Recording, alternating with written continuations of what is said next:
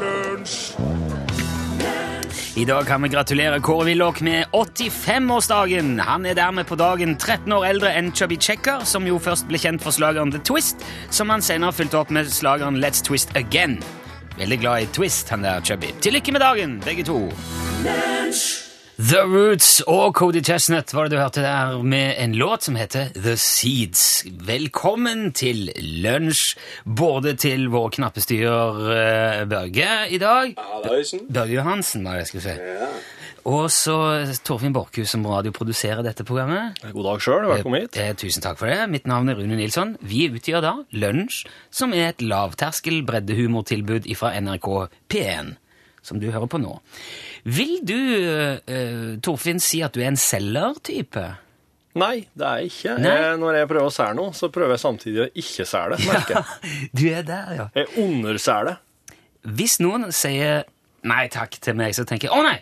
Nei, å, sorry, da skal jeg ikke forstyrre mer, tenker jeg med en gang. Slår det inn i ryggen, og så går jeg vekk. Jeg kan ikke se Men jeg, jeg, det kan jo ikke en god selger gjøre.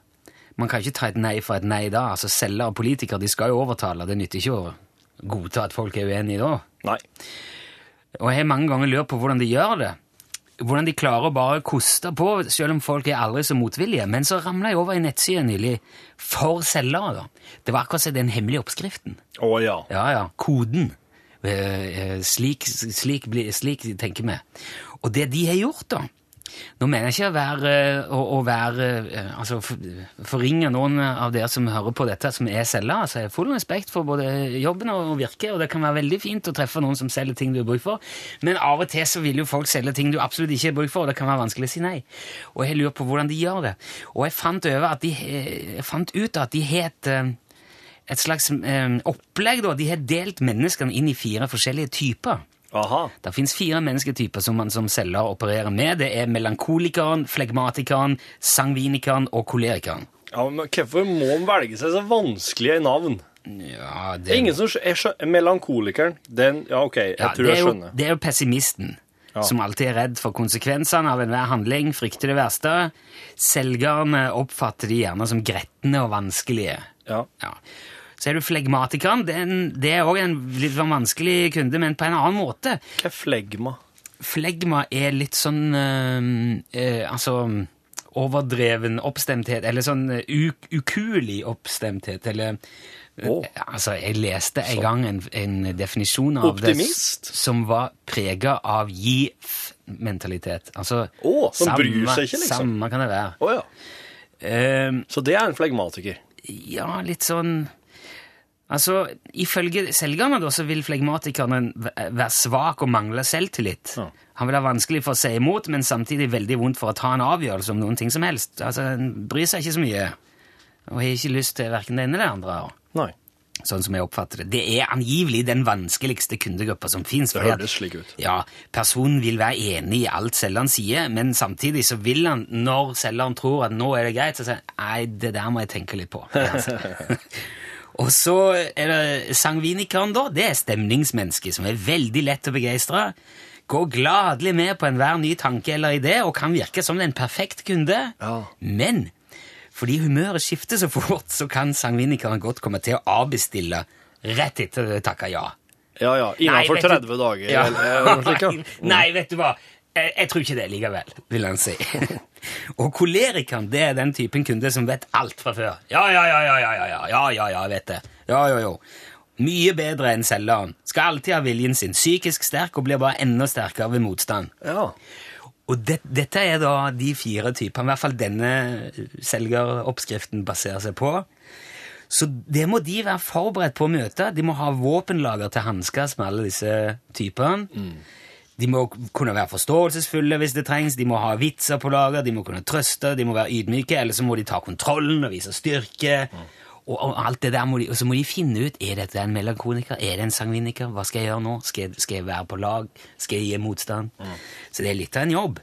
Jeg er veldig usikker på hvem av disse jeg er. Jeg har prøvd å tenke meg til kanskje litt sånn eh, sånn koleriker. Jeg er flegmatikeren. Ja, du det, ja? Ja, det hørte jeg med en gang. Jeg tror jeg sånn Ja, jeg vet det, jeg skal ikke ha det, jeg har sjekka det, og det vil ikke ha noe A-konto på strømmen og sånn. Jeg liker veldig godt. Men eh, jeg har likevel utvikla et triks som går liksom på tvers av alt dette her, som kunde, da. Ja. Som fungerer veldig bra. Det fungerer faktisk i 100% av tilfellene. Og det er ikke noe hyggelig, og det kan være vanskelig å gjøre. Eh, okay. Hvis man møter en selger, for man vil jo gjerne være hyggelig og imøtekommende mot mennesker. Men det jeg pleier å gjøre, eh, hvis enten noen ringer eller jeg møter dem på gata, så sier jeg Nei takk! Ja. Og så legger jeg på, eller så går jeg videre uten å se meg tilbake, eller så spiller jeg plate.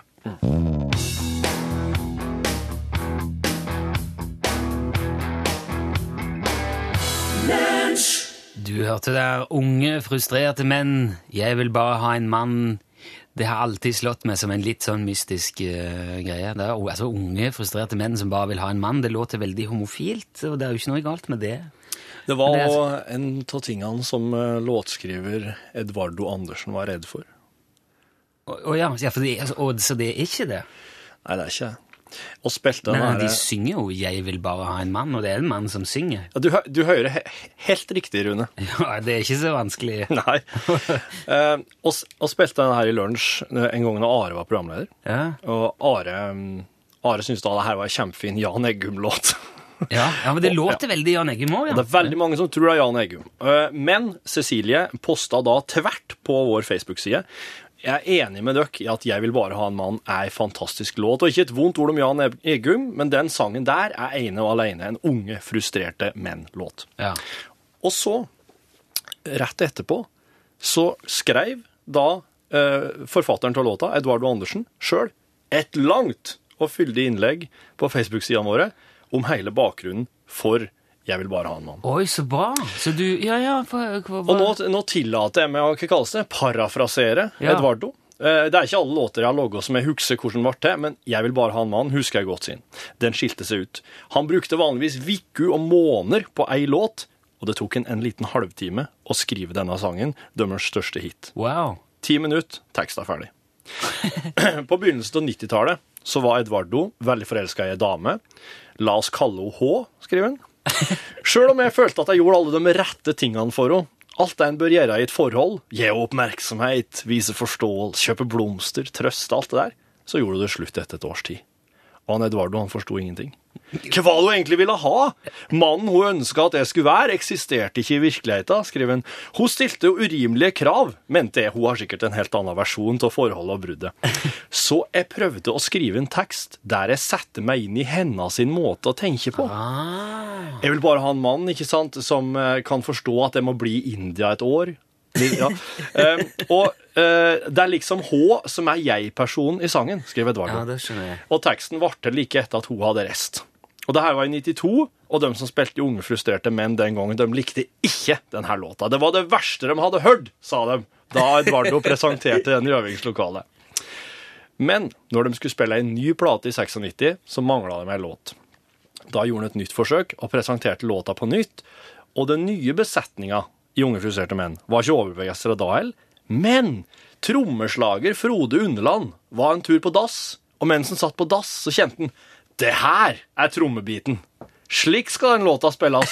Og da var det bare crash, crash, bang, bang, så var det ei, ei poplåt.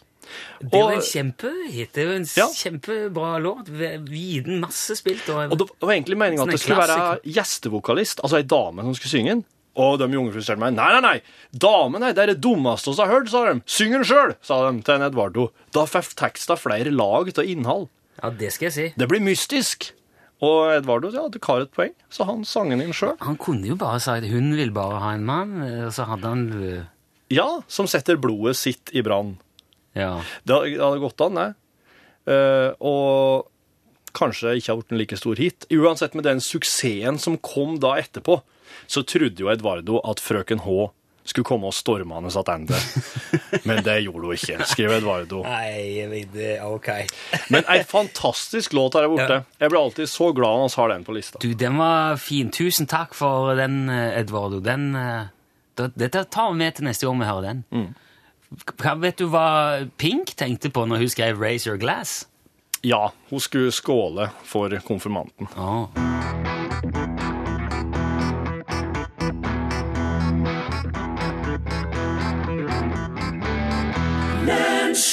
Der var Pink, vet du. Raise your glass.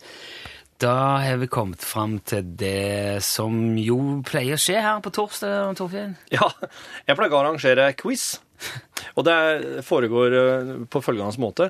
Eh, I dag så har oss en eh, veldig fin DAB pluss-radio. Den kommer i rosa, hvit eller blå. Den som er flink og hjelper Rune aller, aller best i dag, får tilsendt en DAB pluss-radio i posten. Du kan si på en måte den, som, den meldingen som blir tunga på vektskåla, da. For det er veldig ofte for det, Dette her går jo på at Torfinn gir alle oss, både meg og du som hører på, gir oss en oppgave Ja. som vi skal løse. Jeg får ikke lov til å google eller gjøre noen ting her, så du må sende meg melding med tips om hva du tror det er. Ja.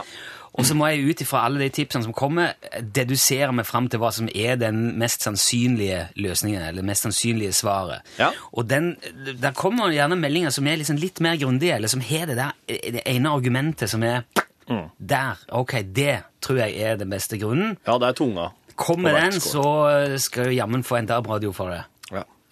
Er du klar? Eh, ja, jeg vil bare si det til, til deg som hører dette, at forrige gang tok jeg feil. Ja. Da var det, jeg trodde det var Angry Birds som skulle bli eh, Ja, som, Som var foreslått forbudt, men det var Peta, ja. Pokémon. Det er en dyrevernorganisasjon som har prøvd å stoppe Pokémon helt siden Så her må vi gjøre ordentlig arbeid, ellers så blir det flaut. Ikke bare for meg. Vi kan ikke la kjære folk behandle seg på flere hundre tusen. Det er meg, og så er det du som hører på, og så er det han der, fjellgeita fra Folldalen. Ikke la han ikke la han trekke lengste strået her. Okay. Det er på tide med torsdagsquiz her i lunsj. Og eh, dagens deltaker, Rune Nilsson, sitter i stolen sin og så er på ei strand. Det er palmer, hav, sand, klassiske ting. Du ser ei skilpadde. Skilpadda er ei Galapagos-skilpadde, Ja. mhm. Dine... også kjent som eh, bestekameraten til Charles Darwin. Ja. Galapagos-skilpadda, sier guiden din, et faktisk iblant fugler. Hvordan i alle dager går Galapagos-skilpadda fram for å få tak i en fugl? That is uh, the question for you, my friend. Spørsmålet oh, det er så... Spørsmålet er altså hvordan fanger Galapagos-skilpadden fugler? Jepp. Er det Ja Er det et lurespørsmål? Er det et uh, alternativt tenkespørsmål? Det vil du ikke svare på, kanskje? Det vil jeg ikke svare på, nei. Ja, for jeg eh, lukter Jeg syns det lukter Fugl? Fugl, ja. Det gjør rett og slett det. Får jeg tenke litt på den? Eh, ja, jeg får tenke litt på det. Hvis du kan bidra, så er, eh, gjør det gjerne på SMS. eh, Det, det er det som er enklest til, tilgang på i denne innboksen her. Eh, Du skriver en L da først i meldingen, og så et mellomrom, og sender ditt svar. Og gjerne ta med navn og adresse òg, sånn at jeg kan sende radio til deg. Send det til 1987. Én krone koster det. Hvordan fanger Galapagos-skilpadden fugl? Bra. Ok, her er Sting.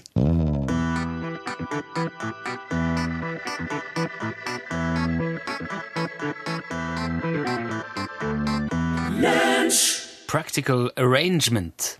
Altså praktisk eh, ordning der med, ifra Sting. Våre venner Betsy og Arne Kalbakk er jo campingentusiaster på sin hals.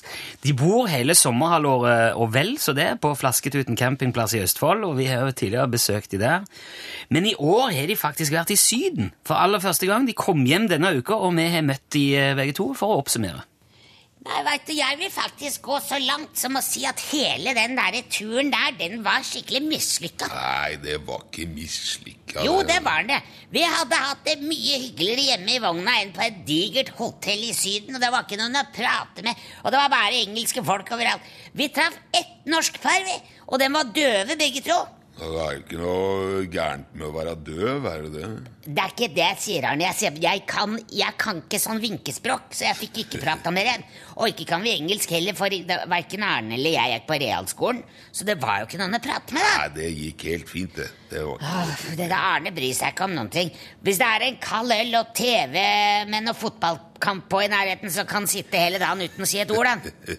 Men noen av oss har eh, kanskje lyst til å møte andre mennesker og gå i noen morsomme butikker og litt sånn, da, veit du, Arne. Ja, Det er jo masse butikker hjemme du kan gå i, da. Vi dreiv Vi gikk gjennom en sånn handlegate langs med stranda der på Hva er det heter, Arne? Benidorm. Benidorm. Og der var det masse restauranter og små båter og sånn. Du kunne kjøpe sånne artige små figurer og sandaler og noen pene skjerf og sånn. Men ingen av dem snakker norsk. Ikke så, hva, hva gjør du da? Når dama bak disken ikke skjønner noen ting av det du sier? Å peke, ja, Jeg Peker på pekte, Arne. Jeg pekte hæren flyttet meg på hele butikken, men dama bare sto der og plapra på italiensk. Prata spansk. Ja, ja, spansk, italiensk, ja, samme det. Det er jo umulig her å forstå uansett. Til slutt måtte jeg bare gå uten å kjøpe noe som helst. Det der døveparet kjøpte jo masse greier i samme butikken, dem. Ja, jeg hører at du sier det, men det har du sagt før, og det, jeg tror ikke det var dem. Jeg tror det var noen som ligna. Det var så mye folk nedpå på det at det er jo ikke umulig å skille dem fra hverandre. Ja, det var dem.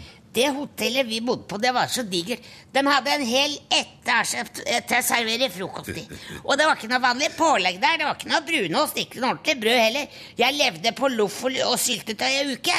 Jeg har ikke hatt så mye luft i magen noen gang før. Det tror jeg hele hotellet merka, for å si det sånn. Nei, nå får du gi deg der. Vet du, det var helt på slutten der. Et par dager før vi skulle dra hjem, da møtte jeg dama nede ved bassenget, og hun, som, hun var litt hyggelig. Hun dreiv og pekte på en sånn brosjyre som hun hadde med med en slags busstur som hun skulle dra på. Og så pekte hun litt sånn, skal du være med om vi ville bli med, da? Og så gjorde vi det, for det var ikke noe annet å gjøre. Hun var jo russisk, hun dama der, da. Ja, jeg veit at hun var russisk, men det visste jeg jo ikke da. For vi, vi prater jo ikke, vi bare peka. Alle på den bussen var russiske, Arne. Ja, jeg veit det. Han som sto foran i bussen og prata i mikrofonen, han var russisk, han òg. Og de hadde ikke noe vann, ikke noe Farris eller noe sånt på den bussen. De hadde vodka. Var, den var kjempegod, den vodkaen der. Ja, det var og tydelig at du syns det, Arne. Det tok en halvtime, så prata Arne bedre russisk enn både guiden og sjåføren. Og sånn dreiv de på i over fire timer. Og da kom vi fram til en diger garasje langt oppe i fjellet, hvor de solgte joggedresser og T-skjorter.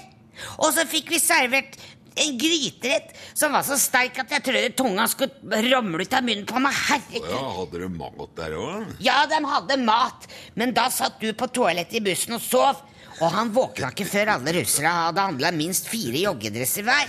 Og bussen var på vei tilbake til hotellet, og da hadde han glemt å prate russisk igjen. Det kan jeg fortelle deg. Jeg kan jo ikke prate Det var russisk. den siste kvelden før vi skulle dra hjem. Da kom det derre døve paret og skulle ha med ut på bar. Hva var det det var? De, var, de hadde skrevet noe på en lapp. Jeg var så lei av hele greia at jeg gikk bare og la meg, for jeg orka ikke flere av de der russiske gryteretta. Ja, men det skulle du vært med på, Butzy. Der var det kjempefint. Det lå nesten bare rett over gata for hotellet òg, det. Ja, hva var det for noe bar? Det var russisk strippebar og italiensk nattklubb. Hva var det for noe? Vikingbar. Det var norsk, den. Var det norsk? Ja ja, norsk bar. Frydenlund på fat og alt mulig hadde Hva er det du sier for noe nå, Arne? Fårikål fikk du der, og Hadde en fårikål på hvorfor, hvorfor sa du ikke fra om dette, da? jeg gikk tilbake og ringte til rommet fra resepsjonen, ja, men det var ikke noe svar, så jeg regna med at du sov. Snakka de norsk der òg? Fikk du prata med noen der, eller? Ja ja, det var bare nordmenn der. Var nesten så var jeg hjemme, jo. Nei, fytte rakkeren, Arne. Dette har du ikke sagt et ord om. Nå ble jeg ordentlig skuffa. Jeg skal si deg det. Det var første og siste gang vi drar på ferie til utlandet. Det kan jeg si deg ganske sikkert. Ja, jeg tenkte meg det. Nå ble jeg ordentlig irritert på deg, Arne. Skjønner du det? Det går over, det der.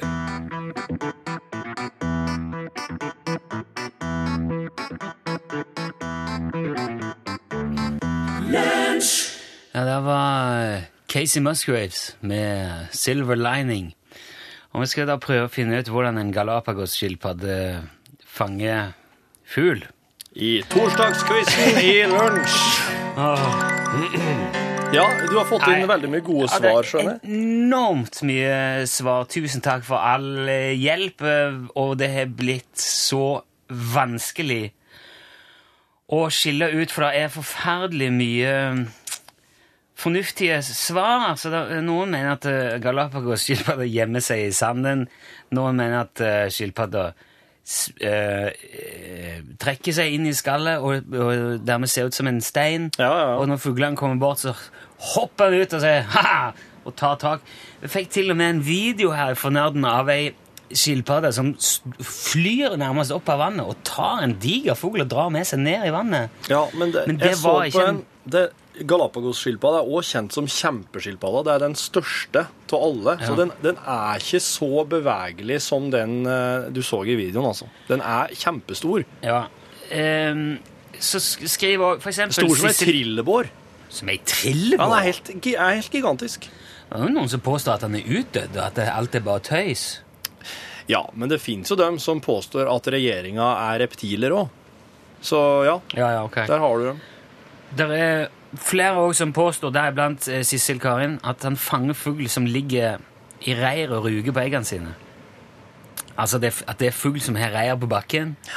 Eh, eller at han går og tar fugleunger som, eh, altså som ligger der. Eh, Svein mener at han er dum som et nek, og dermed altså tiltrekker seg fugl, fordi at fugler er så glad i nek. Den, den syns jeg er litt tynn. Det syns jeg òg for så vidt eh, om Roars tips. Skilpaddene er så gamle at de har tid til å temme fuglene. At de derimot tvert imot er veldig smart. Ja, Så de driver og dresserer fugl til å være med spasere inn i munnen på dem. Den er jo litt sånn eh, Ja, jeg vet ikke. Eh, men så er det òg Der er, der er Nå skal vi se. Jeg må ta med noen av de der som var Einar mener at skilpadda bare spiller død. Og når fuglen kommer for å spise skilpadda, så våkner han og tar den. Det er veldig lett for skilpadden å spille død. Men den fuglen som vil gå løs på ei Galapagos-skilpadde, den skal være fryktelig sulten og ganske Jeg ser liksom ikke helt for meg det heller. Men der er, der er, det jeg heller mot her, da, er to, to teorier. Den ene er at, eh, som, veldig, som flere har skrevet her, at eh, Galapagos-skilpadda Og det mener jeg har sett på TV, at han stiller seg opp og strekker seg liksom ut. Strekker føttene. Ja, strekker føttene og strekker halsen opp. Og så er det noen sånne små fugler som kommer og renser den for parasitter. Ja. Og så mener jeg da at eh, på et eller annet tidspunkt mens de driver med det, så bare klapser skilpadda sammen, moser fuglen, eller bare tar den, eller kanskje ja, se- senker seg sammen, og så fanger han fuglen inni uh, armhulen, og så bare tar han derifra. Det, det som er svakheten med den teorien, det er at hvis, jo, hvis du gjør det lenge, så vil jo fuglene tenke, vet du hva, den der går ikke jeg på. Og det som gjenstår da, som jeg uh, tror det er at de går, de går på, på reier som ligger på bakken og tar uh, unger, eller, eller rugende fugl. Så du eh, Du tror altså at fuglene fortsetter å ha reiret på bakken da, etter at uh, skilpaddene kommer og spiser? Du, har jo, du tenker jo sånn evolusjonsteoretisk i den ene tilfellet, men ikke i det andre tilfellet. Hva Ja, men- tror du fuglene gjør hvis bare eggene blir, eller fuglene blir et opp år etter år? da? Nei, de eh, blir jo irritert. Ja. Blir lei av det, og så sender de brev og Ingen kan gjøre noe. Nei, det er jo ikke det. De har jo ikke, de har jo ikke noe sånn ordentlig støtteapparat heller, så jeg tror, tipper de må bare leve med det. Um, Guiden står og tripper. Det er Greit om du kan noen som mener at uh, opp. Galapagos-skilpadder har en spesiell fangstmetode. Det er avføringen til skilpadder som utskiller et stoff som tiltrekker seg fugler. Så de bæsjer, og så snur de seg full fart. Og så tar Ok. Eh, Nei, jeg er stumped, altså. Jeg, jeg, jeg, eh, jeg tror jeg må si at eh, Jeg er helt Jeg, jeg, jeg syns det er veldig Du må bestemme. Ja, jeg vet må. Nei, det tror de tar eh, De tar eh, Ja, de spiser, på, de spiser bare fuglunger og sånn på bakken. På bakken? Ja. Ja, nå kjenner jeg at jeg er veldig spennende. Altså, det, var, det er jo tusen teorier her. Det er jo helt umulig. Hva er det som skjer da? Svaret er at Galapagos-skilpadda strekker føttene, fuglene kommer under, og så klemmer hun ned. Klemmer dem flat, rygger og et dem for å få proteiner i kosten iblant.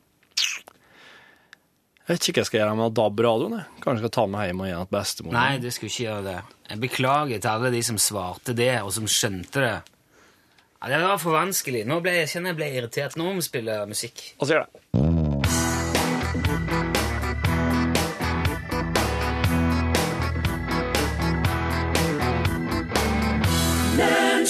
Det var Coldplay, det, og låten het Atlas. Og bare for Vi må stå dette her løpet ut. Tusen takk til alle dere som var med og hjalp. Jeg beklager at jeg ikke klarte å sortere informasjonen bedre under quizen.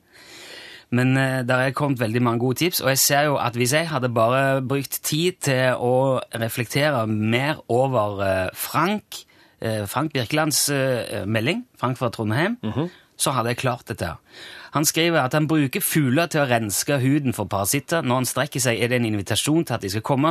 Så legger han seg fort ned og klemmer og fanger de, og skilpadder blir opptil 250 kilo. Det er grundig, det er ryddig, det er nøktern informasjon, og jeg syns at Frank fortjener en DAB-radio for den biten informasjon, selv om vi ikke klarte å løse oppgaven. Du har adresse og alt. Ja, Det er to ja, ja, greit, jeg sender til han. Frank, Bra tusen svar. takk for hjelp. Helt rett. Tusen takk for alle, alle gode forslag. Jeg lover å være flinkere neste gang. Snurp igjen smella di. Du maser jo som et lokomotiv. Der møttes de i døra, eh, Rune Nilsson og, og Charlie Rackstead. Yeah, thank you very much. Eh, Hjertelig velkommen nice. tilbake. Very nice to be back. Det her er artisten Charlie Rackstead som driver med norsk kulturformidling Yeah. i USA. Culture for, for my for, Kultur- for? Formidling. Forlødling. Formidling. Fornebling. Formidling. Yeah, no, it's a Norwegian word. Ja, det er det. Fornemling. Jeg, jeg tror det er exchange. Ah, yeah, ditt. culture exchange. Ja. That's ja. what we do. We do uh, Norwegian uh, songs, norske sanger. Ja. Vi uh, skriver om til, til American lyrics uh, for amerikanske publikum. There's a lot of uh, Norwegian Americans, you know, in uh, Sticklesburg in Minnesota, where we come from. Ja. Det er veldig, um, veldig begeister.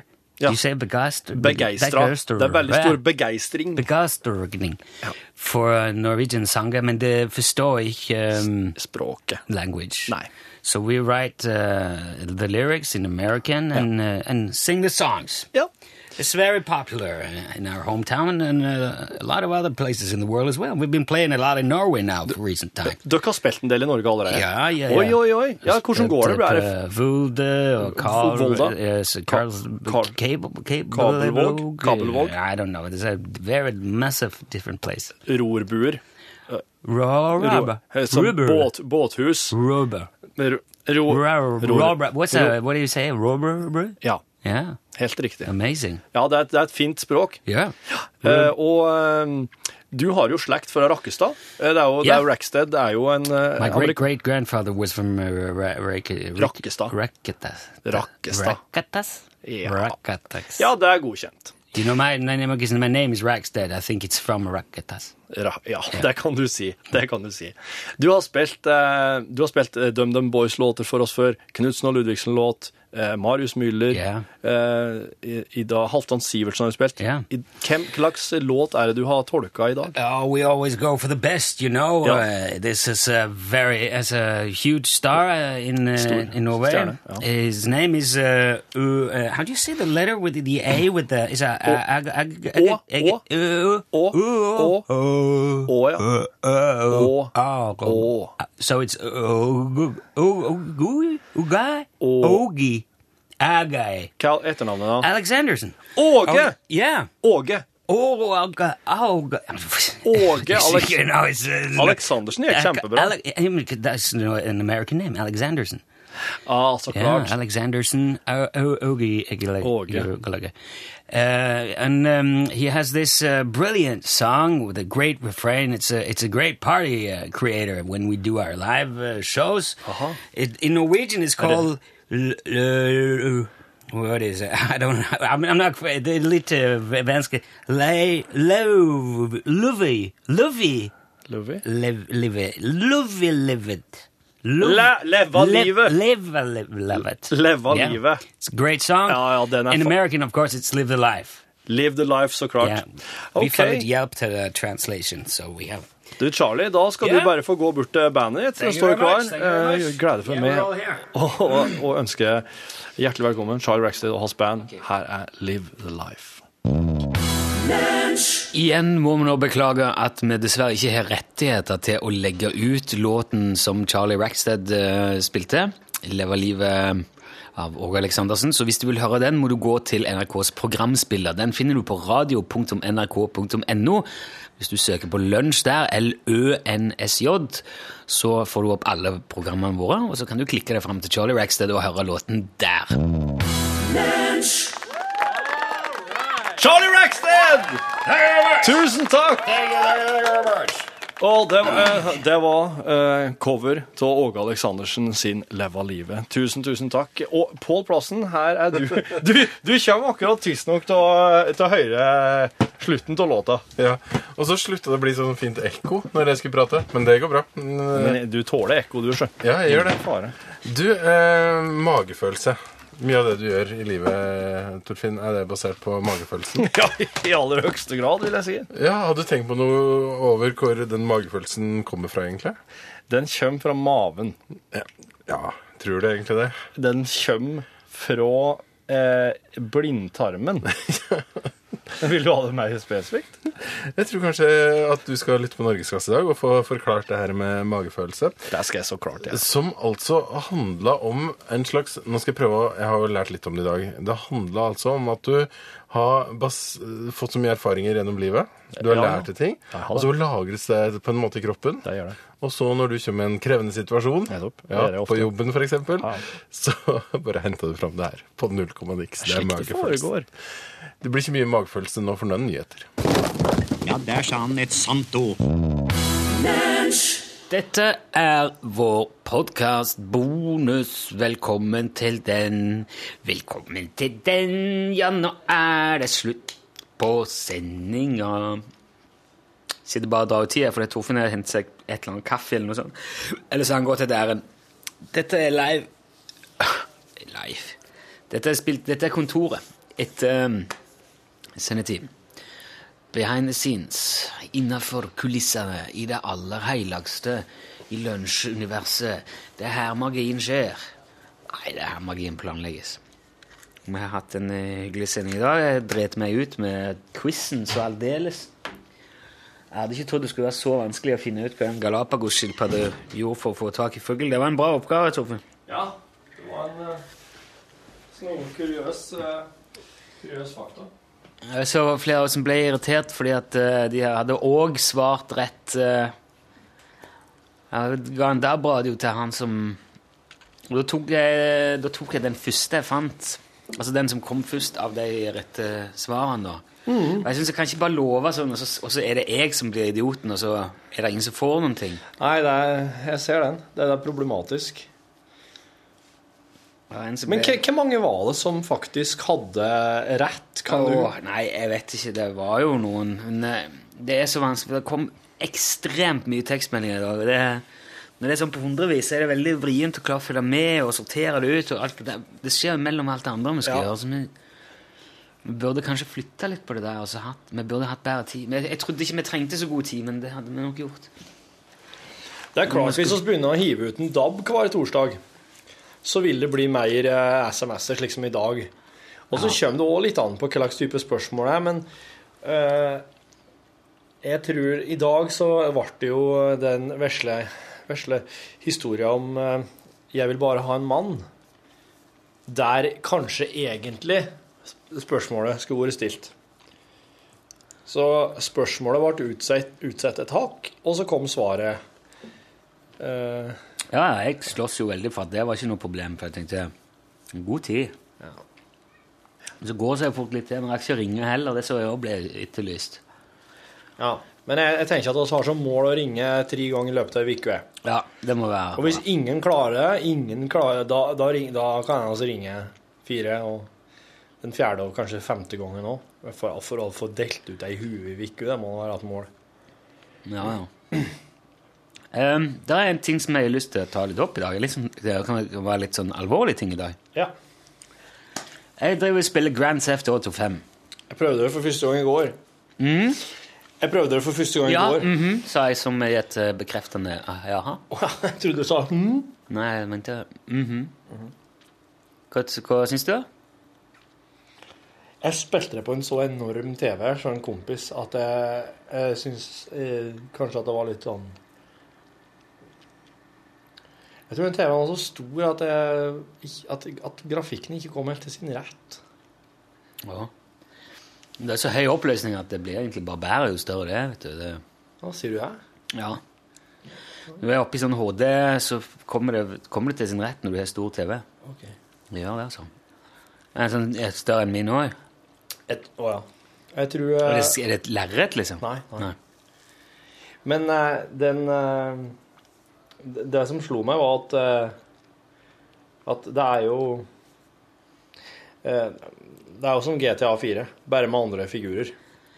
Ja, men enormt mye større og enormt mye force, mer force. Jo. kartet og sånn. Ja, jeg skjønner. Du kan, eh, altså, detaljnivået er helt sånn absurd utdypa. Det sånn Det er maktdemonstrasjon av et uh, spill, altså. Men ansiktene er så dårlige og sånn. Du ser? Ja, jeg syns det var veldig dårlig. Trevor er så bra. Han er helt, det er, det, jeg har sett så bra spill i et spill før. Altså skuespill. Å ja, men jeg tenkte på mer sånn fjesene dømmers. Ja, jeg, jeg Sant. syns det er bra. Jeg Ja, synes det er altså- veldig uttrykksfullt og veldig bra. Men det, poenget var nå i hvert fall Vi skal ikke gjøre det til en spillanmeldelse, men det er, et, det er et utrolig drøyt spill. Det der. Det er 18-årsgrenser. Det er det en fordømt god grunn til. For uh, du blir satt i ganske eh, hårete situasjoner. På et tidspunkt må du torturere en fyr for å finne ut noe greier. Og det og, um, Når jeg snakket med Rune Håkonsen, spillanmelder i P3, han sa at det går an å komme utenom det der. For du, du ligger, det er en fyr som ligger liksom, og så skal han uh, med sånn snikskytterrifler, så skal du ta ut en kar, da. Ja. Og så har du han andre på telefonen som driver pumper en fyr for informasjon i et lagerhus. Og jo mer, han informas mer informasjon han gir, jo flere personer dukker der opp på festen som du skal ta ut han fyren ifra. Å ja. ja. Først så sier han han har skjegg, og da er det bare liksom, kanskje en eller to fyrer med skjegg. ja. Og så sier han han røyker, og plutselig så er det mange flere med skjegg, og så er det noen som røyker. Ja. Så det der, hvis, hvis du er litt kald, så kan du klare å, uten å torturere. Ja. Men det, jeg oppfatter det som jeg spilte, at det må du gjøre. Mm. Og det var ganske, det var, kjente jeg i magen. Men samtidig så er det veldig sånn interessant, for det, hvor langt går du, hvor, grense overskrider du? Det har jo ikke noen konsekvenser i et spill, Nei. for så vidt. Men det føles ikke noe bra. Å sette bilbatterier på en fyr og gi han strøm, eller waterboarding og sånn. For det er det, det det går i. da. Det er veldig drøyt. Men det er jo ingen som har sagt at det å utøve vold i spill gir deg en, eh, en, en nytelsesopplevelse. Nei, men det, det er på et litt annet nivå enn jeg har vært borti. Altså det, det bare å springe rundt i en mørk gang og skyte på alt som ser ut som det rører på seg, det er noe litt annet enn å måtte stå i sånne nesten så grunnleggende moralske dilemmaer, nesten så eksistensielle problemer. Og jeg mener at du skal ha Du skal være litt reflektert og voksen for å kunne ta inn over deg sånne ting, og ikke, Ja. Og ikke, ikke feiloppta det. Derfor mener jeg at en 18-årsgrense der er så eh, riktig som man kan få blitt. Jeg skal ikke si at man ikke kan spille det når man er 16, men tiåringer skal i hvert fall ikke spille det. Nei. Min sønn får ikke, han får ikke se på det engang. Han er ti. Tiåringer, hva går de slags Femte klasse nå. Femteklassinger. Mm. Eh, og så kom det fram i går at eh, min sønn han har en kompis han som spiller det spillet.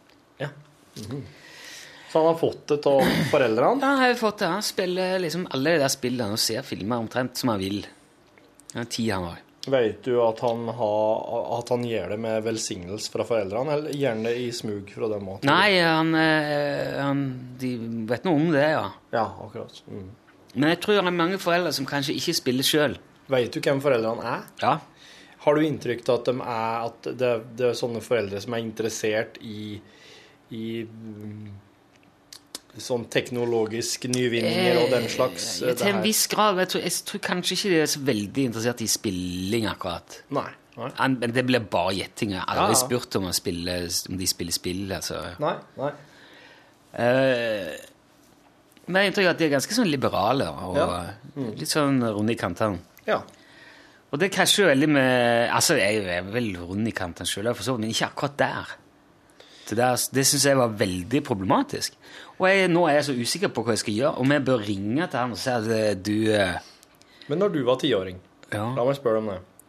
Om du klarer sånn cirka å plassere Når var det du så disse her klassiske actionfilmene, f.eks.? Når var det du så disse filmene som hadde 18-årsgrense? Jeg tror eh, Første gang jeg så en sånn skikkelig skummel film, som var, det var Evil Dead. Ja. Husker du det? Ja. Det, det er en sånn klassisk Husker det, Jeg vet godt hva jeg vil er. Ja, ok. Jeg bare sier for de som kanskje ikke gjør det. Det er en sånn klassisk eh, dra på hyttetur, eh, og så kommer djevelen og tar bolig i alle eh, Mm, film. De finner Necromonicon, den der boka, som Ja. da, og da blir det huskestue. Og da, eh, jeg husker vi satt og så dette her, og de skulle se skrekkfilm. Og da var jeg vel kanskje Jeg vet ikke, var 14-15? Ja, du hadde, du hadde begynt i ungdomsskolen? Eller? Ja, det tror jeg Ja, det kan ha vært sjette-sjuende klasse, noe sånt, kanskje. Mm. for jeg hadde en kompis som var en del alene hjemme, for faren jobba offshore, så han hadde verge. Som var, men han var tilbake mye tid alene Ja. i, på den tida. Så han, og der, var det ikke, der fløyt det litt, da. Så Der da kunne vi gjøre som vi ville. ja. Ja, Og så satt vi og så på dette her, og så på et tidspunkt så sitter de og gjetter på kort inni den der hytta. Og så plutselig begynner ei som sitter i hjørnet, begynner bare å si Ace of spades, five of hearts, Ja. seven of clubs. Ja. Og mens hun liksom bare sier kortene etter hvert som hun legger ned og sitter med ryggen til, så synker liksom stemmen ned. Queen of Hearts! Og så blir det sånn, og så plutselig flyr hun opp, og så blir hun helt sånn, øynene triller bakover og blir Ja, hvit i ja, huden. Og når det skjedde, da ramla hele verden min sammen. Jeg tror jeg aldri har vært så redd av noe jeg har sett på film i mitt liv. Okay, okay. Aldri sett det der skje før. Ah, Det var helt nytt for meg. Og jeg så det ikke komme. nei. Og jeg husker den, den dag i dag. Altså. Jeg, jeg husker Det, det, var, det brente seg fast. Yep. Men nå, det var, det var veldig sånn annen tid òg. Nå har jo de tilgang til hva de vil, når som helst. Ja. De kan, gå, de, kan, de kan se den hardeste pornoen sånn som det, hvis de har tilgang til en uh, PC. Jeg driver jo og sperrer av alle Mac-er og hjemme men, og, og, og iPader, men de, de, det skal jo ikke noe til. Så hvordan kan du ha full kontroll? Men det vi prøver jo å ha liksom sånn Hvis du vil se porno, ok, så gjør men du må i hvert fall være i stand til å ta inn over deg hva det innebærer. mener jeg. Det gjør man ikke når man er tid. Man kan ikke spille det spillet heller når det er tid. Det er min mening, da.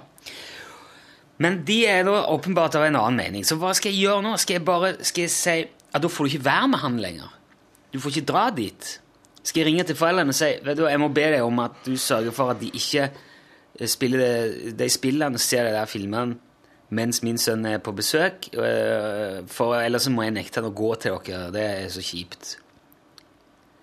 Så det er forferdelig vanskelig. Har du, altså. har du prata med sønnen din om det her? Ja, vi snakket om det i går. Hva- hva- hva- Hva si- eh, sier han, da? Ja, jeg skal, skal ikke gå i sånn veldig detaljer, men hvis man kan må, ta det på litt sånn prinsipielt grunnlag. Jeg vet at han, at han har en kompis som spiller det spillet, og en del andre spill, og det, han ser liksom filmer som er like voldsscenene best. Ja, ja, det er jo det. Når han er, når han er liten, så er jo liksom der spenninga Men altså, hvis du Kunne du ha prata med sønnen din og forklart han at du kan, få, du kan få være med hjem til kompisen din, men jeg vil ikke ha noe av at du er med og spiller GTA 5. Vil det, vil det funke? Vil, vil, er det noe der? Ja, det vil nok det. Han, liksom, han syns det er litt ubehagelig, å forstå. Jeg syns det er litt vrient å bare Uff, nå kjenner jeg må, Kan ikke gjøre det her til sånn Nei, men, eh, nei, men så Nei, du men vi- føler kan på en måte at du må gjøre en ting Du holder på litt sånn prinsipielt grunnlag her, tror jeg. For Ja, ja. Jeg har ikke lyst til å brette et sånn familiegreier ut av det. For det, det, det er jo et sånt dilemma overfor, som jeg tipper kanskje flere òg vil stå overfor på et eller annet tidspunkt. At uh, ungene dine møter andre unger som har, ja, som har et annet verdigrunnlag hjemme. Ja. Skal du da liksom blande, blande deg i? Skal du si Ja, nei, jeg syns det er. Jeg skal nok komme til en forståelse med min sønn om det. På et eller annet vis. Men jeg har liksom lyst til å gjøre det i forståelse med Kan en stole på en tiåring? Hvis en tiåring sier at eh, 'nei, jeg skal ikke være med på det', hvis det, muligheten skulle by seg. I don't know. Men samtidig så er det litt Det er noe med det å gå til foreldrene og si det òg. Er jeg, jeg, jeg kjenner på den eh, dørstokkmila der, ja. Ja, For da sier du på en måte noe om hva andre la sine unger holde på med. ja det er det, vet du. Da jeg sier du, er- du, jeg mener at du tar feil. Ja. Du mener at du gjør noe feil med din, dine ja, barn. Ja. Mm. Og det gjør jeg jo, men eh, er det min, er det, er det min plass å si det? liksom? Det er på en måte noe med at en eller annen plass må en tre, trekke ei grense for hva en skal blande seg inn i andre sin oppdragelse. Ja. For at eh, jeg, jeg så eh, 18-årsfilmer på den alderen sjøl. Eh, og jeg husker opptil flere av dem som sånne, her, eh, sånn skjellsettende opplevelser. Men jeg mener nå fortsatt at jeg kom ifra det helt OK, da. Sånn at jeg ser at det er Det er ikke nødvendigvis der en skal begynne å blande seg. Det må litt verre ting til før en skal begynne å blande seg inn. Tror jeg, jeg, jeg tror jeg er litt sånn legger litt for mye i det. Nei, jeg tror det er helt vanlig å ha det som du. Hvis han får innsikt i andre sin oppdragelse, tenker jeg at det ville jeg aldri ha gjort. Og spesielt hvis du ser at det her kan òg fort gå utover min unge. For eksempel, hvis, du- hvis du, la oss si at du har sett han eh, kompisen røyke, da. Da har du tenkt Det der kunne faen meg fort ha vært min sønn av det. Skal jeg ta så her, Skal jeg si til For, for det er jo et lovbrudd. Hvis foreldre la ungen røyke, det er et lovbrudd. Ja, ok. Du har ikke lov til å la en person under sek... Nei, hva er det? 18? Jeg, vet- jeg vet ikke, men du 18-årsgrense på tobakk? Det er kanskje Nei, nå ble jeg i tvil. det, det var voldsomt 16. å røyke 16. tiåring. gjør noe det. Ja, ja. ja, men det gjorde jo jeg sjøl. Jeg røykte sjøl. Jeg var Jeg var ikke ti, men jeg får sånn 15-16-årsalderen. Ja. Det er jo ikke Det har vel kjent lukta av meg òg. Jeg er ikke så Skal være god for å kamuflere det. Men det er på en måte Er det ikke òg et lovbrudd å la ungen din spille et 18-årsspill? Jeg vet ikke hvordan det er med det, der, om de spillene liksom blir oppfattet som mer sånn rådgivende, at de ikke er Nei, men et, et, en, en, en spillbutikk har jo ikke lov å selge et 18-årsspill til en person under 18 år. Nei. Så de skal jo per definisjon ikke ha lov til å nyte den her, det her underholdningsproduktet. Nei, men jeg, jeg, jeg lurer på mange ikke helt, Hvis du ikke spiller spill sjøl, Ja, ikke, ikke se på Ja, men det er jo bare TV-spill. Det, ikke- det er jo ikke akkurat som det At Det er meg som ser på det som sånn pff, Ja, Hvis de tenker at ender på da de spilte Pac-Man og Tetris sjøl, tenkte jeg at det kan gå galt her. Ja.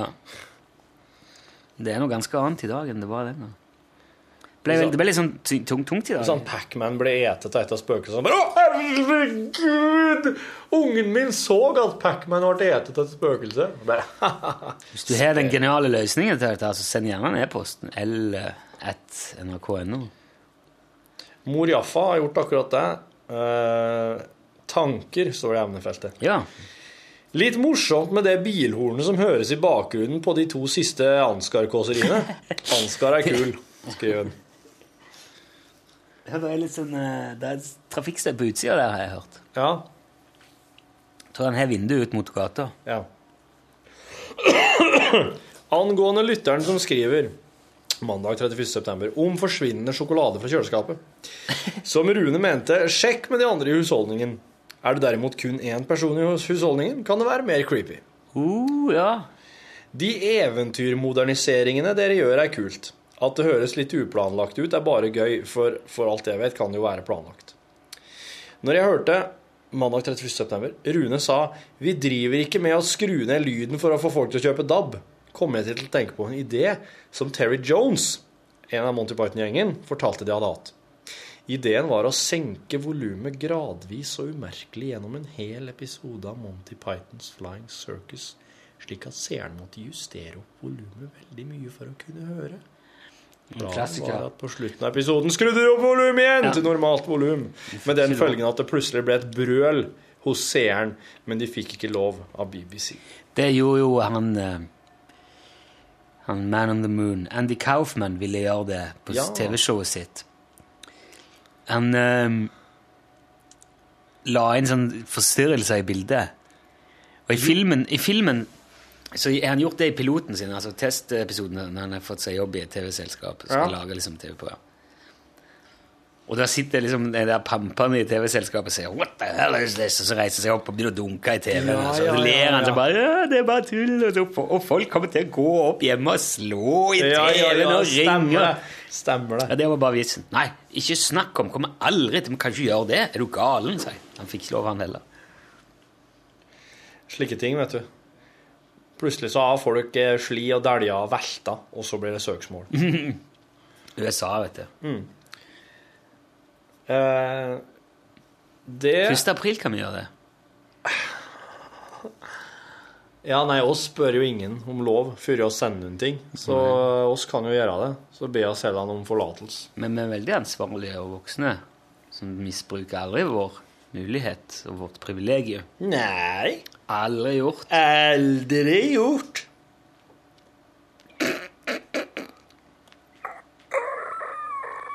Det var fint. Det var fine ting tenkt av eh, mor Jaffa. Ja. Ja, jeg, eventyrgreia er jo min Det er jo min vesle Hva kalle det Det er min baby nå om dagen, så det syns jeg er så artig. Jeg, altså, det var veldig ambisiøst sist, den der sjuende far i huset. Herre min hatt, altså. Da var det mye lyder, mye sånn Og Det starta jo med ventemusikk før jeg hadde ringt i telefonen. Det var Det var hektisk. Ja. Og Jeg synes også det, Vi planlegger jeg sier til mor, ja, for vi planlegger ikke at det skal gå galt, men vi, legger, vi, vi planlegger det veldig løselig. Ja, oss, oss går heller ikke i sømmene for å hindre det, for at eh, Ja, det er jo noe med tida òg. Altså, enkelte av lydeffektene er det jo faktisk radioteknikeren som har fått i ansvar for å framskaffe. Og iblant så hører ikke jeg gjennom dem engang før jeg sender dem for første gang på lufta.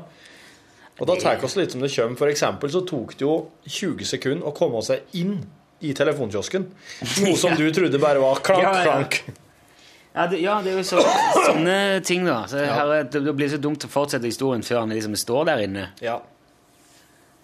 Og til gjengjeld tok det tre sekunder å få opp den skjermen inn i telefonkiosken, men det tok kanskje 20 20 sekunder å forklare.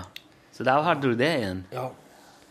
Og Torfinn var fire av. Nei, men det, kommer, jeg skal vi gjøre mer av det. Lønnsteater er gøy. ja. Eh, ja.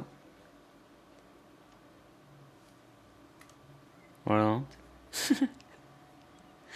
Det ble, Ja, ble liksom to, det, ble, det ble tungt av det der spillegreiene. Det var ikke meningen å lage dårlig stemning. Altså. Men jeg, hadde jeg har tenkt så mye på det der. Nei, men jeg, jeg vil også si at jeg, jeg syns det var kjempeartig å spille GTA 5 i går. Det vil jeg bare avslutte med å si.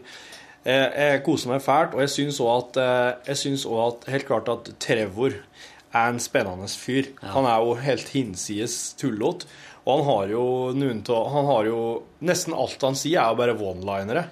Det er jo noen replikker der som er så hinsides alt Jeg, mulig jeg runda hele historien i går. til Trevor.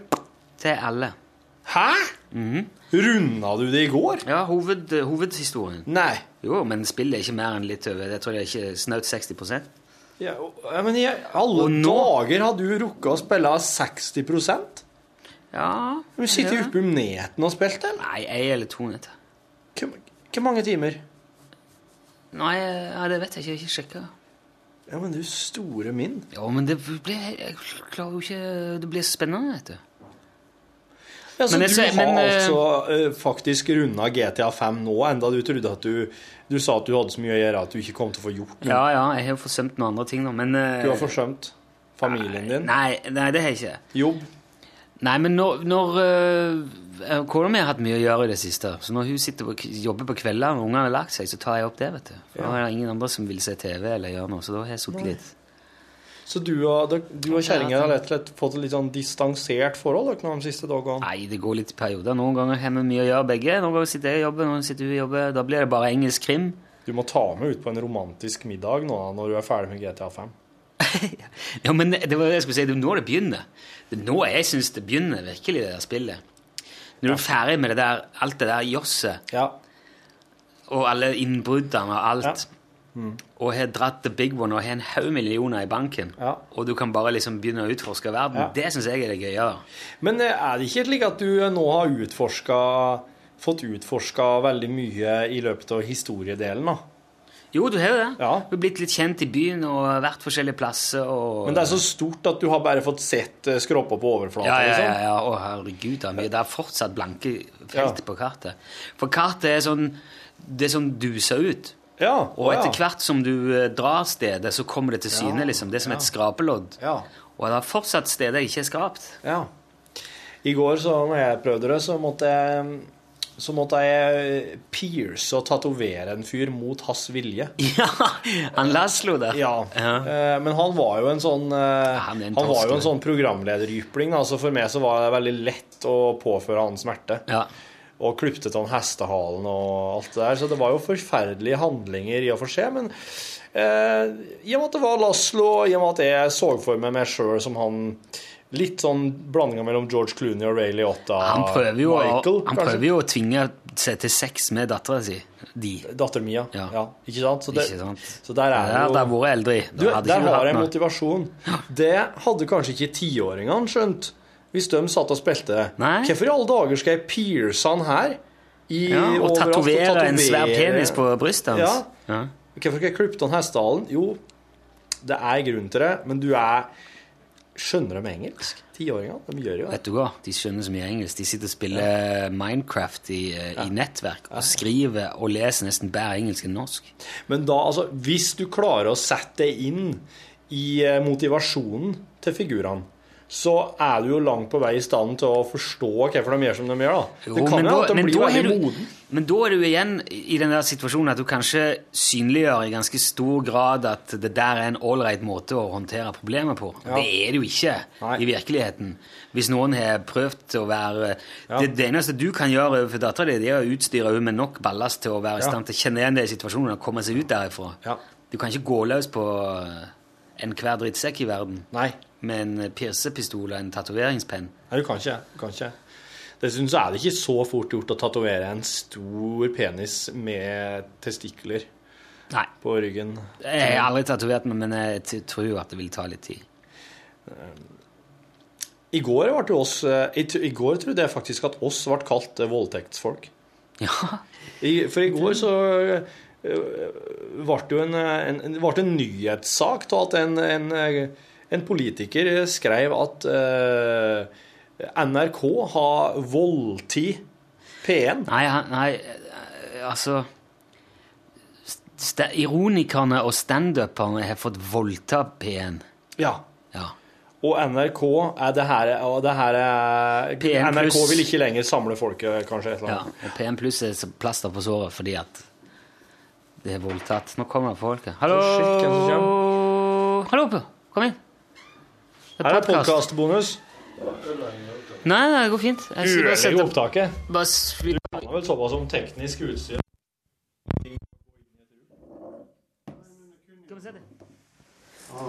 Er du travelt, eller må du Nei da. Det er Per Olav Alvestad fra Ikke gjør dette hjemme og Schrødingers katt som kom inn. Og, ja, vi lager podkast, vi er litt sånn seriøse i det vi snakker om voldelige TV-spill og sånn. Ja. Men nå behøver vi ikke være det lenger. Vi lager sending om hvorfor vi blir voldelige akkurat nå. Så Er det noe om eh, TV-spill det? Nei, det ligger i genene. Så miljøet har, har ikke så mye å si. Så du kan spille voldelig, du kan spille glad TV-spill.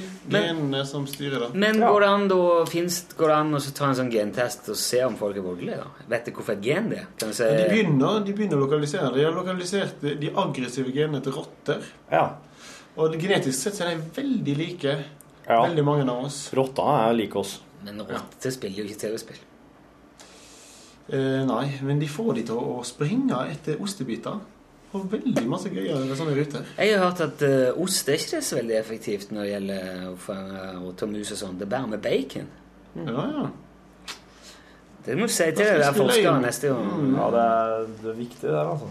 Det var jo, men det var jo ganske interessant. Det er genene som gjør at folk blir voldelige. ja. For at ost altså den med at eh, utløpsdatoen på ost er så veiledende. Utløpsdatoen på bacon, derimot, den er ganske Den, er ganske, den står der. Sånn at hvis du får dårlig bacon, skjemt bacon, så gjør at uh, rottene og musene Men ikke driv og gi dem ost bare fordi den har gått ut på dato, for osten blir bare bedre og bedre og bedre. Ja. ja det, Eh, betyr det at hvis du er voldsdømt, så kan du bare si sorry? det er et veldig interessant spørsmål, og det har vi tatt opp. Og folk har faktisk Det er en, volds, en drapsdømt i Italia som fikk redusert straff fordi han tok en gentest som viste at han hadde et sånt aggressivt gen. MAOA-genet. Så det begynner, og det er mange i, Ja. borti USA som har prøvd seg på det der. Fordi at det, du, er ikke, du er, For eksempel der hvis du er født i et dårlig hjem, altså dårlig oppvekstmiljø, Ja. det er formildende. Fordi det er ikke din skyld hvilket Ja. miljø Ja, ja. inn i. Men- Men det er jo ikke din skyld hvilken gener du har heller. Nei. Nei, Så det er nøyaktig det samme argumentet. Ja. Men vi godtar ikke ennå at uh, gener på en måte er med å styre. Vi tenker gener styrer hudfarge, øyenfarge. Men gener styrer òg atferd. At du er snill, at du er slem. Nå pekte jeg tilfeldigvis på deg, Torfinn. Ja, ja, ja, ja, altså. Eh, Men da det styrer like masse atferd. Hvorfor skulle ikke det da? Men det der er jo jæklig creepy, da. For det betyr jo at da er du bare gentesta ungene dine når de blir født, og så er han der kommer til å bli en kødd. Han må du bare Du burde Skal du velge vekk? Skal du ta bort og si Ja, vet du, alt virker her, men denne ungen blir voldelig. Nei, fjerne. Så kan du få sånn Han kommer til å mobbe en del i 3.-4. klassen, eh, spesielt i rødhåra, men så viser det seg at han blir snill litt seinere igjen. Han angrer seg. Eh, og så må du, kan du tenke da ah, Skal jeg beholde en som driver og mobber de rødhåra i 3.-4. klassen, eller skal jeg la det gå videre? Men hva viser det her angående eh, f.eks. motsatt oppførsel? da? Kan noen med aggressive gener oppføre seg helt vanlig? Eh, ja, da kan de eh, Ja, altså, de har jo da, da eh, Altså, det som er, du er jo bare disponert hvis du har de genene. Ja. Så kommer jo miljøet inn og ja. påvirker deg. Så det, går ikke, det, er ikke, det er ikke sånn alle går er- løs på er folk. ikke Nei. Det er ikke nødt til, da. Men det er litt, eh, det er litt interessant. Ja, det syns jeg er bra. Og det er veldig- utrolig. De har bare fått en screening av alle genene. Sånn skal du oppdra ungen din. Disse grensene må du sette. Denne maten må du gi han. Jo, men, ja, men du kan ikke gjøre det heller. Det For er det, helt like. ja, er det det, da? Og, og man skal jo ikke Altså, individets vold er jo straffbart, men eh, systemets vold det er heter jo krig. Det er satt i system. Det får du betalt for, og det blir du oppfordret til å gjøre. Det må du gjøre. Tvungen til å gjøre det. Ja, ja, hvis du vil fjerne den atferden, eller den på en måte latente refleksen der, så er jo ikke noe her heller lenger, da. Man kanskje kunne avla fram eh, sånne eh, en gjeng Star Wars-klone som bare, Du avler kun på de aggressive genene. Og så kan de da krige med andre som er aggressive. Og så kan vi som ikke er aggressive, vi kan få leve vårt liv i fred. Og så kan de ha sin krig. I Norge, oppe på Haukeli f.eks., store områder der eh, Hardangervidda Kan de krige der? Da er det som en hob Det blir som å bygge modelljernbane, egentlig. Det er jo helt meningsløst. Du kan ligge og balle det være. På disse strategikontorene så sitter de jo sånn og bare flytter tropper. Men det viser seg De kunne heller hatt det på et spill, da. Det mener jeg virkelig. Du kunne lagd en simulator. Du kunne spilt Stratego, og det landet som kom dårligst ut, måtte bare Men, men det kan jo være at den vitenskapelige utviklinga er den rette veien å gå. At du faktisk bare må, hvis når du lærer om DNA og lærer om eh, å isolere eh, DNA-molekyler og, og luke ut og framdyrke, det kan hende at det er veien å gå. For at det viser seg jo at folk øh, vil jo ikke oss, Ettersom vi blir mer opplyst, så blir vi jo ikke noe mer ålreit mot hverandre. Så det kan jo hende at eh, det der er eneste måten å få til sånn hippiesamfunn på. Over Ikke- hele jorda. Er ikke det evolusjon, det òg, da? Er ikke det evolusjon når mennesker finner så mye tekniske løsninger at vi er i stand til å på en måte påvirke utviklingen vår? Er ikke det, er ikke det bare liksom next step Ja, det er jo av evolusjon? Ja. Så man bare stole på at den gjør det rett, da. Ja, det er jo litt eh, essensielt, da. Ja. Men evolusjon er jo ikke alltid rett, den heller. er? Nei, nei, nei. Så hvis vi evolusjonerer oss inn i en blindvei, og så dauer oss der, så blir det ikke, da, da blir ikke mer til det. da. Nei, det var kanskje det, var det som var Kanskje det var det som var meninga. Da har vi evolusjonert oss inn i blindveier. Er det med på uh, Polar? Vi skal på Ylvis. Dere skal på Ylvis-programmet. Ja, det blir spennende. Jeg tror de, jeg har møtt han ene en gang, han var veldig ålreit. Men jeg har aldri møtt de sammen. Jeg vet ikke om de er snillere eller slemmere sammen. Jeg tror de er veldig snille. Ja. Ja, og ålreite typer. Det er, jo ikke, det er jo ikke først og fremst et gjesteprogram. det der. Jeg tror vi skal bare være forberedt på å være statister. ja. Det er for at de skal skinne. Litt som Asbjørn Brekke. Han inviterer gjester for at han skal være morsom. Ja. Og så må de sitte og le. Ja, Det er jo lett å le av han, da. ja da. Veldig artig. Ja, ja, det er ikke noe sånn, nei. Nei, det blir spennende. Jeg har funnet ut hva vi skal gjøre. Vi skal gjøre, vi skal tenne fyr og herje med noen ting, ser du. For det syns jeg er, er gøy. Ja, dere skal gjøre noe stunt, da. Ja, vi må jo vise hva det er vi gjør på Ikke gjør dette hjemme, da. Men det er litt vrient, for det som vi gjør på Ikke gjør dette hjemme, det er jo mer brannvesen og hjelpekorps og leger og sikkerhetskonsulenter og sånn. Det er en grunn til at dette ikke gjør dette hjemme. Jeg kunne like så godt hett 'ikke gjør dette i TV-studio', for å viser seg at det er veldig vanskelig å flytte deg inn i TV-studio. Ja. Ja. Men hvis vi hadde gjort sånne ting som var mulig å gjøre i TV-studio, så hadde det ikke vært noe særlig kult å se på. Det hadde blitt kjedelig veldig Ja, fort. veldig. Men kan det plasseres inni et slags eh, sånn eh, bombesikkert rom som er gjennomsiktig? Et slags panser av drivhus der det kan gjøre et eller annet crazy inni? Og så at en ser det ut derfra? Da vil jeg jo stå ute. Ja. Ja. Eh, nei, altså vi har jo bedt dem bygge opp litt sånne brannsikre hjørner. F.eks. Okay. skru sammen noen gipsplater. Ja. Men de var fortsatt litt usikre på det. Jeg tror det er et gammelt teater i Oslo de leier. Så, men altså, Det er der de sier OK. Og det her, her er jo Jeg så deg om det kom en liten brann i den ene scenekanten. Ja. Nei, jeg Men bare de holder jo på å kjøre jo et lite lokomotiv inn på scenen, og de holder jo på med litt sånne Ja, det jo ting der òg, da. Så dere må jo få lov til å Tenk om vi skulle ha løvblåserkappløp. Ja. Du setter deg på en stol med hjul, en kontorstol eller noe sånt, med en løvblåser, Ja, og ja. fyrer den av, så blir det motor. Ja. ja. Men det hadde ikke plass til. Nei. Nei. Og Jeg har ikke, jeg ser, jeg har ikke den kanalen. Jeg ser heller ikke. Jeg ser. Jeg trodde det var ganske ser ganske Men det gjør det jo, da. Det ser jo ofte større ut enn det. Men Ja. de hadde jo eh, De, jo, de heiv jo en murstein i en eh, vaskemaskin på sentrifuget en gang. Ja, Så han rista i stykker. Ja. Og det gjorde de innpå der, mener jeg, på å huske. da. ja, Så, så trodde jo at det var litt Litt space. ja. Men det ser det er klart det ser mye større ut. Når jeg hører på lunsj, så tror jeg det er stort. Dere sitter jo inne i en veldig trang krok nå. Ja, ja. Kan jeg opplyse dere som hører på podkasten? Det er veldig trangt her. Ja. Som det høres stort ut. Nå her er vi jo Det er jo liksom kontor òg, da. Ja. Så det er jo alt, uh, alt her. alt mulig rundt. Jeg er glad jeg setter opp glasset litt. Nei, men vet du, nå, nå skal vi eh, si takk for at eh, du lasta ned podkasten vår. Så skal vi ta og få, få ut den her, så du får hørt på den. Ja. Og så skal vi gå og spille etterpå. Yep. Og så skal vi hjelpe Pola med det han lurer på. Ja, jeg låner en laser. Nei, har du huska den? Nei. Laser. Ja, det er som jeg sendte melding om. En sånn her laser som kan eh, Ja, sette merke i du bygge noe? Sette merke i taket? Nei, bare sånn byggelaser? Ja, Sånn. byggelaser, fordi at jeg skal få tre lamper på rad.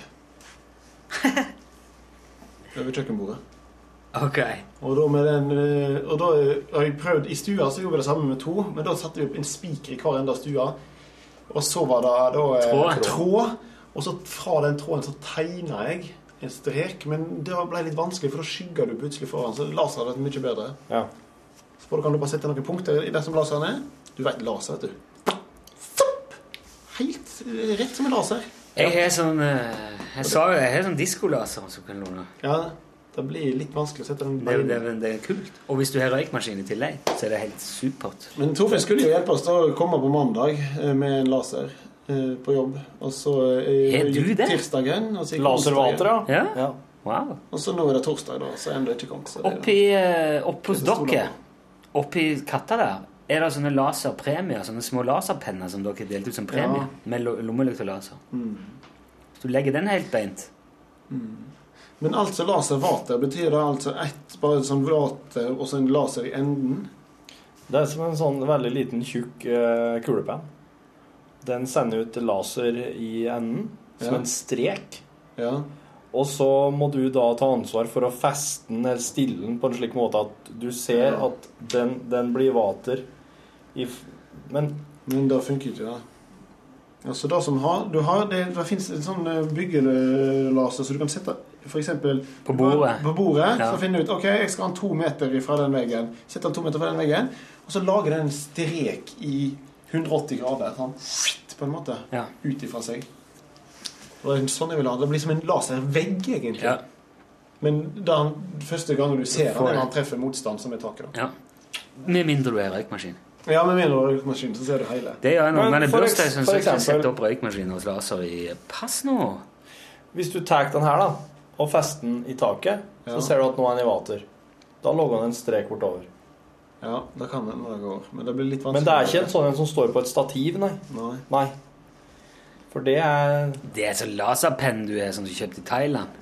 Nei, det er en sånn eh, Jeg vet ikke helt hva de heter, som logger den. Om det er Stil, eller om det er et sånn kjent sånn her Ja, verktøyprodusentmerke. hvis du eh, flipper veldig fort på laseren, så blir det akkurat en strek. For den er for eksempel Den er perfekt til og hvis du skal henge opp ting på veggen, Så fester du den på veggen, så sender ei stripe bortover, og så ser du, og så har du et vanlig vater på den. Og så vrir du den til den bobla er i midten. Da vet du at den streken bortover der nå, den er helt i vater. Ja. Så kan du feste ting der du måtte ønske. Ok, Så kanskje den kan til taket òg. Ja, men det jeg ser for meg at du må feste den i taket. ikke? For den er avhengig av å ligge på den flata du skal ha Ja, det streken på. Ja. Hvordan fester dere den, da?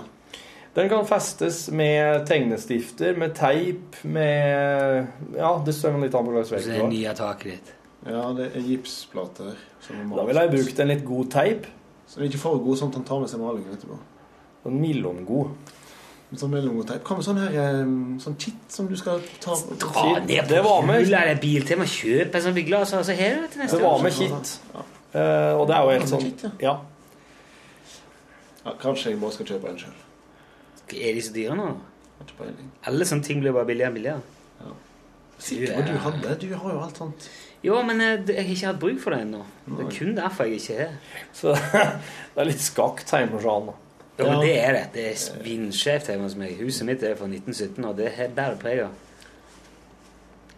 Du legger ikke fra deg eh, klinkekuler på gulvet mitt, altså.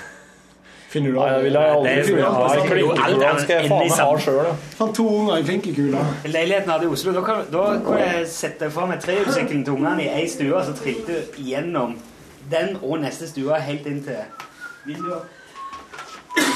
Takk for at du lastet podkast. Ha en fin dag. Hør flere podkaster på nrk.no podkast. NRK P3